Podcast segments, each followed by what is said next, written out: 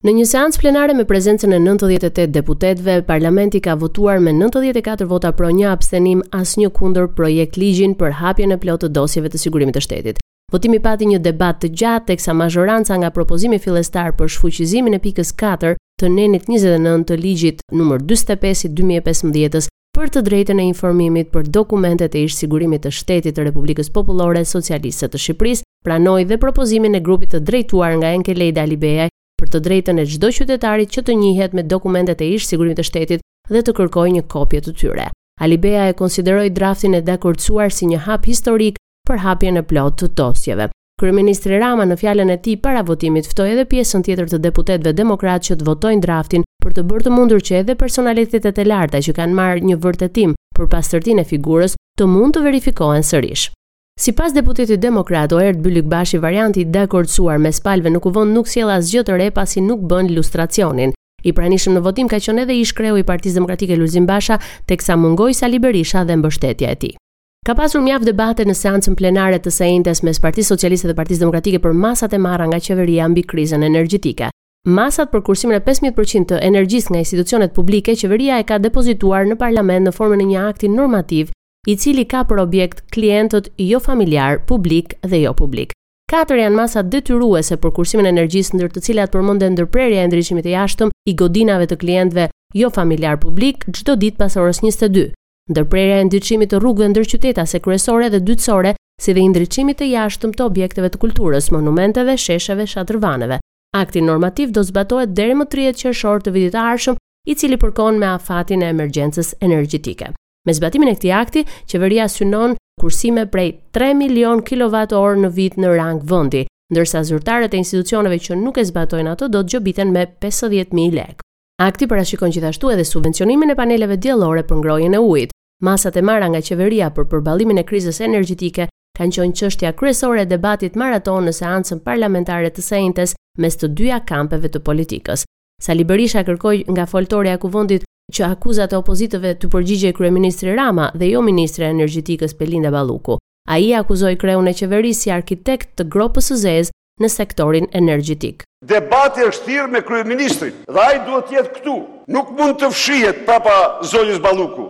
Si në asnjë vend tjetër ju e shisni energjinë që prodhohet nga digat tek agjentë tregtarë tuaj me dyzet euro megavatin. Dhe po ky agjent e shet në bursë me njëqind e dyzet euro megavatin dhe ju sjell ju të gjithë fitimin. Por akuzat e Berishës u hodhën poshtë nga zëvendëskryeministrja Balluku e cila tha se opozita dezinformon dhe se çmimi i energjisë në vend nuk është rritur për abonentët familjarë dhe biznesin e vogël.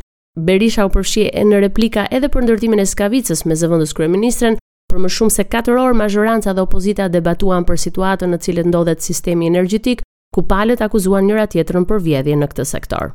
Pedagogët janë ngritur sërish në protestë, mëngjesin e së premtes ata janë mbledhur para Universitetit Politeknik duke vijuar me kërkesat e tyre drejtuar qeverisë, si dhe duke njoftuar për shkallëzim të protestës. Ata kanë njoftuar se ditën e hënë orën 11 do mbahet protestë kombëtare, ndërsa thanë se nëse nuk do të ketë rritje të pagave, ata do të vijojnë protestën.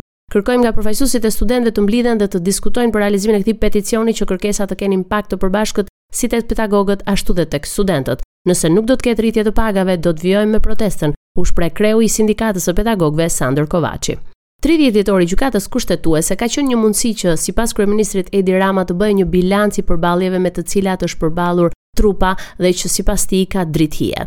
Por Rama tha se tashmë ka ardhur koha që jo, jo çdo konflikt politik mund të zgjidhet nga Gjykata Kushtetuese, duke sjellë në vëmendje padinë e një grupi deputetësh të PD-s kundër vendimit për katet pa leje. E drejtpërdrejtë ka qenë dhe ambasadorja e Shteteve të Bashkuara Yuri Kim, e cila tha se koha kur gjyqtarët bliheshin dhe kërcënoheshin ka mbaruar. Edhe për kryetaren e Gjykatës Kushtetuese tha se retorika politike ka tentuar të ndërhyjë në pavarësinë e këtij institucioni, ndërsa për presidentin e Republikës Bajram Begaj U shpreh se kjo gjykatë do të tregojë paanësi dhe profesionalizëm. Në bashkëpunim me operatorët turistikë të Përmetit ku Rama zgjodhi të nisë turin e tij paraelektoral, duke folur për krizën energjetike, ai deklaroi shqyrtimin që po i bën qeveria mundësive edhe për nëntorin të mos aplikohet vendosja e fashës së pagesave për konsumatorët familjarë. Gjithashtu ai shtoi se qeveria nuk do të ndalet me amnistinë fiskale, ka qartësuar se do ta bëjë atë në bashkëpunim me partnerët ndërkombëtarë, një pjesë e të cilëve kanë shprehur rezerva për draftin fillestar. Edi Rama është i bindur se skepticizmi i partnerëve lidhet edhe me tymnajën që e ka ngritur opozita për këtë çështje. Me siguri ai foli edhe për vendimin e qeverisë që është në diskutim për të rritur taksën e prodhuesve të energjisë që operojnë në tregun e lirë. Duke mbetur tek energjia, ripërsëriti angazhimin e qeverisë për ta bërë Shqipërinë një eksportuese të energjisë brenda 2030-s dhe kjo sipas tij do të bëhet me dy faza.